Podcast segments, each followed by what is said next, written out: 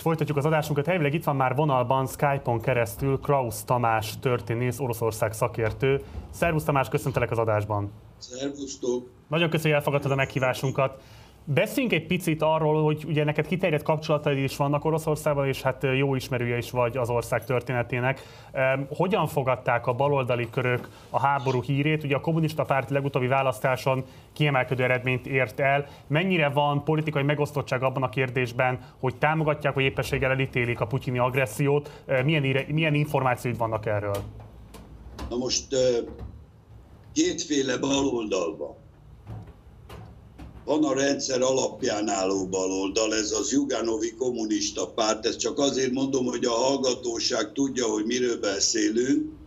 Ebben a hivatalos kommunista pártban, amely elég jelentős parlamenti befolyással rendelkezik, kétféle álláspont van. Az egyik határozottan támogatja a katonai akciót, ahogy ők nevezik, vagy a mi pedig inváziónak hívjuk. A másik csoport kritikailag viszonyul magához a Putyin rendszerhez, és úgy látja, hogy a háború nem vezet semmi olyan pozitív eredményhez, ami az oroszországi népek életét pozitív irányba megváltoztatná. Ennél izgalmasabb az a baloldal, amelyet ugyan nincs parlamenti ereje, de intellektuális befolyása van Oroszországban, akár csak Magyarországon, csak hát nagyobba kell elképzelni, kisebb csoportokból áll, ezt hívjuk úgy, hogy intellektuális antikapitalista baloldal, ez azért érdekes, mert ők elemeznek. Nagyon komolyan és nagyon mélyen elemeznek. És ők arra a következtetésre jutottak, hogy az eredeti elképzelés, hogy megvédi Oroszország a keleti közt, a, a két kis kelet-ukrajnai köztársaságot, ez egy abszolút védhető álláspont volt, ugyanakkor a háborút azt főleg a nagyvárosok és a Kiev elleni felvonulást, az teljesen értelmetlen, káros, emberellenes cselekedetnek látják.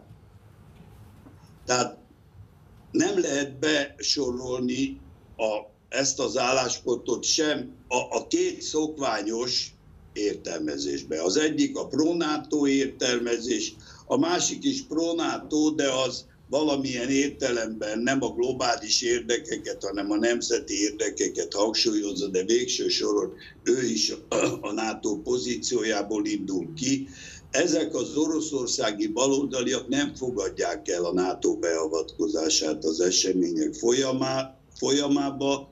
A nato egy, egy imperialista katonai szervezetnek tekintik, amely a világ fölötti nyugati uralom katonai eszköze. Egyértelmű ez a senki... Nem hallom hogy értem ez a kérdést, engedj meg, hogy akkor, ha jól értem, Oroszországban te tudomásod szerint nincs olyan baloldali jelentősebb csoportosulás, amely a szakadár úgynevezett népköztársaságok elleni beavatkozását, Oroszországnak katonai intervencióját elítélné.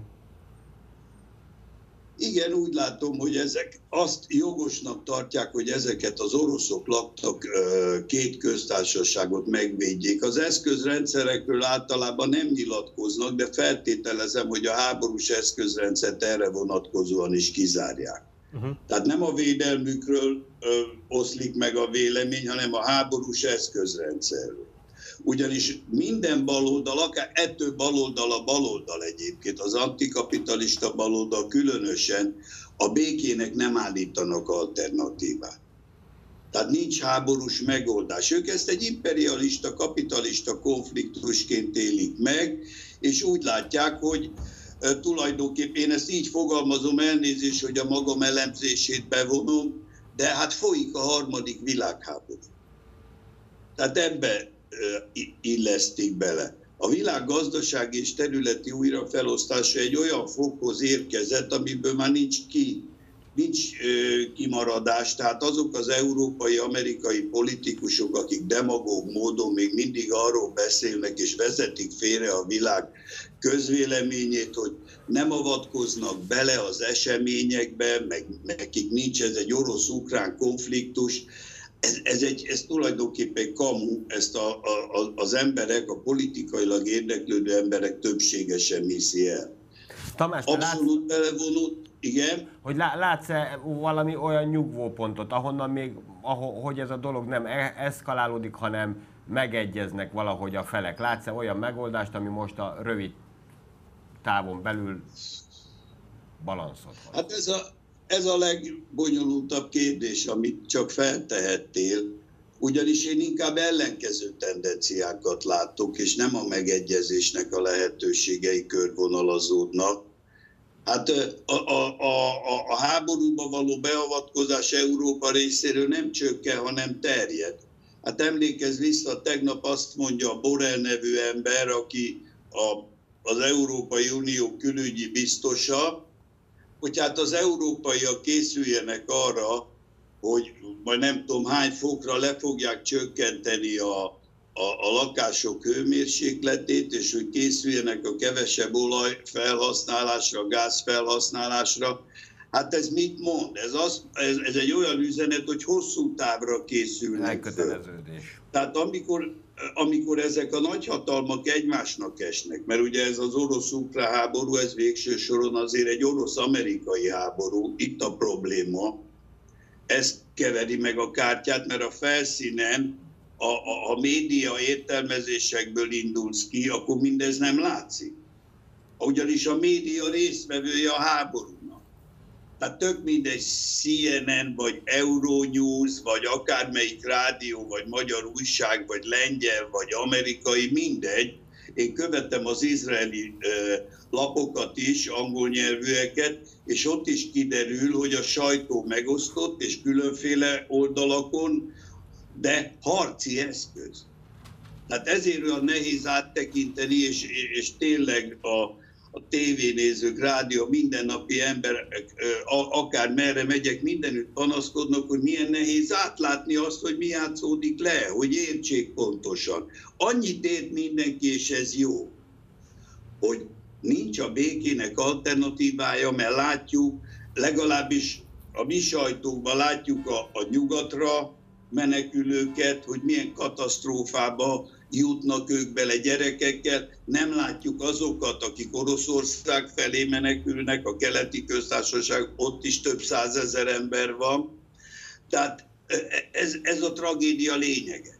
Ha a sajtó nem lenne harci eszköz ebben a háborúban, akkor sokkal több és biztosabb információnk lenne, akkor tudnék határozottabban válaszolni arra a kérdésre, hogy, hogy rövid távon van-e kiút. De hát egyelőre ugye az amerikaiak, tegnap egy amerikai eh, politológus Izraelben úgy nyilatkozott, azt hiszem a Times of Israel írja a nyilatkozatot, hogy ők eh, Zelenszkire semmilyen eh, nyomást nem gyakorolnak a tekintetben, hogy tárgyaljon. Tamás, egy pillanatot térjünk vissza a szakadár úgynevezett népköztársaságok kérdésére, mert ez egy nagyon Igen. fontos kérdéskör. Ugye ezek a területek, ezek azért mégiscsak Ukrajnának a szuverén egységei voltak abban az értelemben, hogy maguk is kifejezték az Ukrajnához való tartozásokat a 90-es évek elejé népszavazás során. Tehát itt volt egy olyan területi egység, amelyben valóban egyébként ezeken a területeken magasabb volt az orosz lakosságnak a száma, de ettől még egyébként ők területileg Ukrajnához tartoztak a saját maguk által által kinyilvánított akaratuk alapján is. Ennek a megváltoztatása nyilvánvalóan agresszió, ez semmilyen módon nem került problematizálásra az oroszországi baloldalon belül? Na most az a, az a probléma, hogy azok a baloldali emberek, legyenek antikapitalisták, nem antikapitalisták, akik meg akarják érteni, hogy mi zajlik le, azt nem lehet a jelen pillanat elvárásai alapján megérteni. Tehát egész egyszerűen ne, nem lehet el, de azok, akik ilyen emberek, azok meg akarják érteni, mi történik. Na most volt itt egy fordulat ebben a dologban. 2014, amikor a Majdanon megkezdődött a tömegtüntetés, amit ugye a a Nuland asszony, a mai amerikai külpolitikának is egy, egy, hát egy fontos figurája. Hiszem, európai nyelven azt mondhatnánk a hölgyre, hogy külügyminiszter helyettes mondjuk, az általános politikai ügyekkel foglalkozik. Hát ő volt ennek az egyik támogatója ennek a nagy tüntetés hullámnak, amelynek kapcsán a törvényesen megválasztott elnököt pucsista módon elkergették. Tehát 2014-ben egy pucs játszódott le. A Janukovicsot nem az ukrán törvényeknek és az ukrán alkotmánynak megfelelően menesztették, hanem volt egy több százezres tömegtüntetés, és ennek során elkergették az elnököt, aki az orosz egyes elemzések szerint egy, egy, egy rossz, amorális gyáva kukac volt, aki ott hagyta a hazáját, ahelyett, hogy ott maradt volna, és megvédte volna azt a pozíciót, amit ő a tüntetőkkel szemben képviselt, vagyis Ukrajna-Oroszországi orientációját. Na most ez a pucs az volt a tétje, hogy, ezek a közt, hogy Ukrajna egy nyugati projekté válik. Na most ez kétségtelen, hogy az oroszokat, hogy úgy mondjam, az orosz hatalmi elitet hát nagyon elgondolkodtatta a perspektívákat illetően, hiszen már a 90-es évek eleje óta zajlott ugye a, a NATO-nak egyre inkább a keleti kitolása, és végül is az orosz határokhoz való felsorakoztatása. Amikor az orosz invázió megkezdődött, és ha elolvasod a, az orosz sajtót, akkor ők szépen állandóan sorolják a, a Ukrajna megtámadása kapcsán, hogy milyen sérelmek érték őket az orosz nemzetbiztonságot az elmúlt nyolc évben, és halálos meggyőződése, miért? Megnézed az orosz tévét, ugyanilyen viták mennek, mint itt nálunk, ott is az orosz hatalmi elit, bármely egyébként vannak viták ott a tévéműsorokban, és nagyon különbözőképpen látják a dolgokat, de egy biztos, hogy a senki nem vonja kétségbe, hogy Oroszországnak vannak legitim nemzetbiztonsági érdekei, de ott már megosztanak a vélemények, ez nagyon érdekes, hogy milyen ellenállás, és ezeknek az érdekeknek, ezeknek a nemzetbiztonsági érdekeknek milyen eszközrendszer felel meg, már a védelem tekintetében, milyen eszközrendszerre lehet ezt kivitelezni. Még csak egy mondat, na most ezek a köztársaságok nem fogadták el elég jelentős részben ezt a dekommunizációs, az ukrán nacionalista hagyományhoz kapcsolódó pronáci ideológiai megdolgozást, hanem ezek látták ezeket a tapasztalatokat, és úgy vélték, hogy most van egy mód arra, hogy ezek a orosz többségű lakosok kiváljanak ebből az Ukrajnából, vagy legalábbis valami e, autonóm státuszhoz jussanak.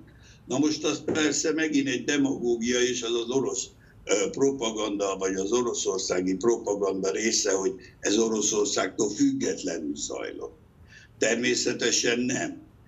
Itt nagyon nehéz határokat vonni. Olyan mértékű a kölcsönös függés az államok között, nem beszélek az orosz-ukrán sok évszázados együttélésről, hogy, hogy leválasztani Ukrajnát Oroszországról most már sok éve folyik, és még látod, olyan nehéz, hogy erre egy egész háborút föl lehetett építeni, aminek a levét ugye a népek ússzák meg, akik menekülnek, akik szenvednek. Rémes, tényleg.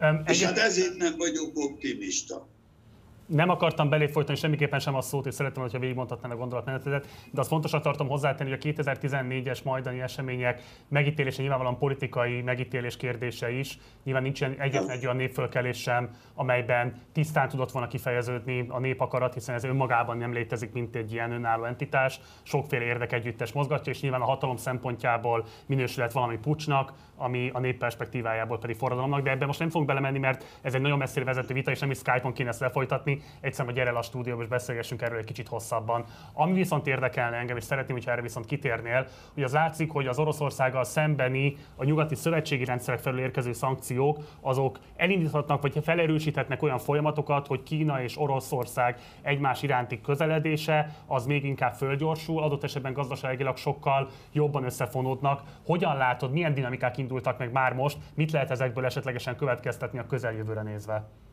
Most az az irodalom, amit erről én olvastam, meg a saját megfigyeléseim alapján nekem úgy tűnik, hogy az Egyesült Államok egy új típusú bipoláris világrend kialakítására törekszik. Tehát az orosz-kínai, indiai, ázsiai közeledés mondjuk itt, mint blokk, ez nagyon erősen kialakulóban van. Nem azt mondom, hogy ez egy homogén egység, de kétségtelen, hogy közös érdekek fűzik egybe ezt a közeledést. Ez jól látható a Trump alatt, Trump előtt, ez egy, ez egy ugye minden történelmileg bontakozik ki előttünk, hát ez is egy hosszú folyamat. Na most, ahogyan nem homogén az Európa, a, a nyugati blokk sem. Tehát a nyugati centrum és a kelet közötti, ilyen értelemben kelet közötti küzdelem, ez az új világrend megszerveződésének a része, ami lebomlott a 90-es években végérvényesen, az fokozatosan egy ilyen multipoláris világ elképzelésében kezdődött újra szerveződni, és ma látszik, hogy bár multipoláris lesz, ez a, vagy multipoláris világ alakul, de kétségtelen, hogy van két ilyen központja azért a világrendszernek, ahol még Európa helye egyáltalán nem tiszta, nagyon sok probléma van, mint ahogy nem tiszta a, a kínai, orosz, indiai viszony sem, ott is számos ellentmondás is van, de az alapvető érdekekben most épp az ukrán háború mutatja meg, hogy ez a két blokk megszerveződőben van. A, az egész ö, amerikai nagytőkének és az európai nagytőkének az a beállítódása, ami most megfigyelhető Ukrajnában, azért nagyon súlyos ellentéteket fed föl. Tehát most úgy néz ki, hogy ugye óriási egység van. Mindenki kivonul Oroszországból, az összes nagy multinacionális cégek. Egyrészt nem mindenki vonul ki, nem azonos feltétellel vonul ki, és mindenkinek számolni kell a rémes orosz visszacsapásokkal mert azért itt elképzelhetők olyan visszacsapások is, amit hát nem Borrell úrék isszák meg annak a levét, hanem az európai populáció. Nem a, a gazdag uralkodó osztály issza meg a levét, hanem a társadalom alsó osztályai. És én nem fogok itt mindenféle apokaliptikus képeket felvázolni, mert eszemágában itt semmi pánik felé vinni egyetlen ember gondolkodását sem, de az biztos, hogy egy ilyen nagy átalakulás, amit én kvázi egy ilyen újszerű háború, a harmadik világháborúnak egy ilyen nagyon furcsa megvalósulásaként látok, ez a, a világ lakosságának, de Európa lakosságának is nagyon súlyos követ, számára is nagyon súlyos következményekkel járhat. De hát látod, a háború folyik katonailag, gazdaságilag, kulturális téren, a, a média területén, hát de elképesztő sok szinten, és, és nem tudom, hogy hogyan, ugye az első kérdésből indultunk ki, hogy ugye azt kérdeztétek, hogy hát rövid távon akkor mi a megoldás. Itt semmi más nem tudsz mondani, mint hogy tárgyalni kell. Azonnal, minden áron, nem, nem elhinni, hogy nem avatkozunk be. Hát amikor a lengyelek fölajánlották a repülőgépeket Ukrajnának, abban a pillanatban az amerikai azt mondta, nem, mert ezzel áttépünk egy olyan határt, ami, ami az oroszokat egész egyszer arra fogja kényszeríteni, hogy felállítsák a határokon az atomrakétákat. Tehát más se hiányzik. Ezért se volt szükséges, nem is érthető, hogy miért kellett a nagyvárosokba bevonulni, érte normális észre. Hát fölállíthatták volna a határokat a, köztársa, a, a, a keleti köztársasága, és azt mondják, hogy itt vannak az atomrakéták, demilitarizált övezet, eszünk ágában sincs a nagyvárosokba menni. Na de a katonai logika eluralta az egész konfliktust, és innentől kezdve látod az észt, egyik vezető asszony azt mondja, hogy a NATO avatkozzon be, akkor a lengyelek is be akarnak avatkozni, akkor kész. Ez egyszer elgurul. Ezt mutatja a történelmi tapasztalat. Egyszer egy ilyen háborús logika elgurul, nem tudod visszagörgetni. Világos.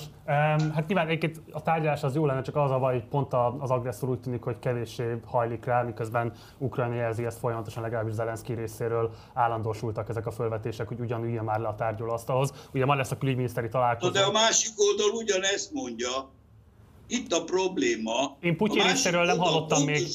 Én Putyin részéről nem hallottam még, hogy ő a tárgyalások pártján állna, de lehet, hogy akkor te ebből a szempontból az, az orosz sajtót olvasod, akkor a Zelenszky nem akar tárgyalni, Csak az oroszok akarnak tárgyalni. Világos. Az Zelenszky kikerüli, mert az amerikaiak nem mondják neki, hogy hát félig meddig úgy is közelítik meg, hogy Ukrajna egy amerikai bábállam.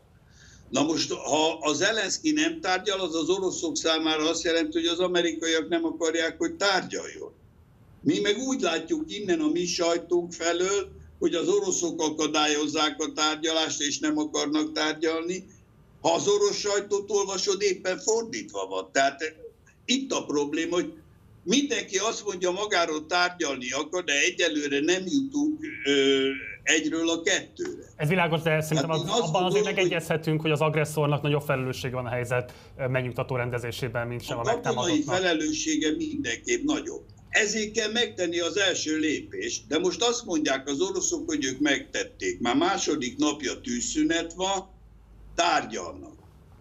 Bob, Nem hivatalosan hirdették ki a tűzszünetet, de valamit elkezdtek. Ni- Nincs igazából kérdésem, csak hogy, hogy e- ezen a, a rövid hogy, hogy én a magam, nem, most nem is tudom, hogy cinikus vagy naív módján azt gondoltam, hogy a két szakadár terület visszakerül Oroszországhoz, és Ukrajna pedig erre válik le, és hogy a világ egyébként úgy nagyjából mi majd szemet hunyunk afölött, ami történt. És hogy egy kicsit talán ezzel, hogy tovább ment az orosz támadás, ahogy a NATO oda mondjuk akkor, hogy pofátlankodott a közel, úgy az oroszok is egy kicsit ezzel valójában Európát választépésre kényszerítik, és hogy közben olyan forgatókönyv, hogy Európa ne vegyen ebben részt, az meg nincsen, mert mégsem hagyhatják magukra. Tehát, hogy akkor meg ugyanaz, hogy akkor az ukránok ott maradnak, az oroszok bedarálják, és akkor mi maradunk a szemhunyás fölött. Miközben valószínűleg mindenkinek ez, Ez, ez, a tit, ez a titka a háborúnak, amit mondtál.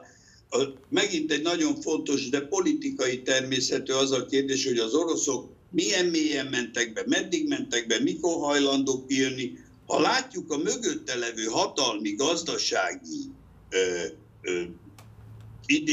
törvényeket, hogy hogyan folyik ez a küzdelem a területére, a hatalmi befolyásért, ö, stb. stb., akkor látjuk, hogy az oroszok számára az agresszor a másik oldal. Tehát nem szabad nem meghallgatni őket, mert ahhoz, hogy tudj tárgyalni, érteni kell a másik félnek a logikáját. Ez elképesztő. Ők ugye az, arra hivatkoznak, hogy hát ugye megtalálták azokat a terveket, amelyek szerint most mindegy igaz, nem igaz, csak hogy mire hivatkoznak. Hogy, megta, hogy a ukrán hadsereg meg akarta támadni a két köztársaságot, Ukrajna atomfegyver előállításán törte a fejét, a NATO ö, ö, több száz ö, tonna fegyvert, az utolsó két hónapban több száz tonna fegyvert vitt be Ukrajnába, a legmodernebb Javelin elhárítóra, de, de, de, de, de, kétségtelen mai napig folyik a fegyvereknek a bevitele. Tehát nagyon nehéz, orosz szemmel mondom, nagyon nehéz elfogadni nekik az európai logikát, hogy csak az a háború, amikor te a 24. órába egyet lépsz. Ők azt mondják, hogy 50 ö, ö, esélyt adtunk, hogy, hogy ne ebbe az irányba menjenek a dolgok. De a dolgok ebbe az irányba mentek. Erre Sajnos. húzták meg ezt a katasztrofális lépést. Sajnos lejárt az időnk, és abban nyilván egyet tudunk érteni Tamással, hogy fontos minél jobban megismerni azt, hogy kit milyen logikák működtetnek, de legalább ennyire fontos szerintem azt is kihangsúlyozni, és akkor ez a partizános álláspont ebben a kérdésben, hogy nyilvánvalóan itt van egy agresszor, aki meglépte a háborús konfliktus kirobbantását, és ilyen szempontból Ukrajnával kapcsolatban a szolidaritásnak kell legyen a kérdés a béke, ez a partizánnál el ne felejtődjön. Hát A nyilvánvalóan békének nincs alternatívája, nincs. tárgyalni kell, nem fegyvereket vinni. A béke. Ez a. Egyetértünk, a béke a legfontosabb. el nekem öreg embernek, aki régóta vizsgálom a háborúk történelmi tapasztalatait. Elhiszem neked, Tamás, csak azt szerettem volna hangsúlyozni, hogy a béke kiváltásához elképzelhető, hogy néha bizony fegyverek is kellenek az agresszorral szemben, mert nem biztos, hogy a belátás önmagában elhozza a remélt és vágyott, közösen vágyott békét. Tamás, Igen. nagyon szépen köszönöm, hogy itt voltál velünk, köszönöm szépen, hogy rendelkezésünkre álltál. Vigyázz magadra, minden jót neked, szervusz! Szervusz Tamás. Minden jót, szevasztok.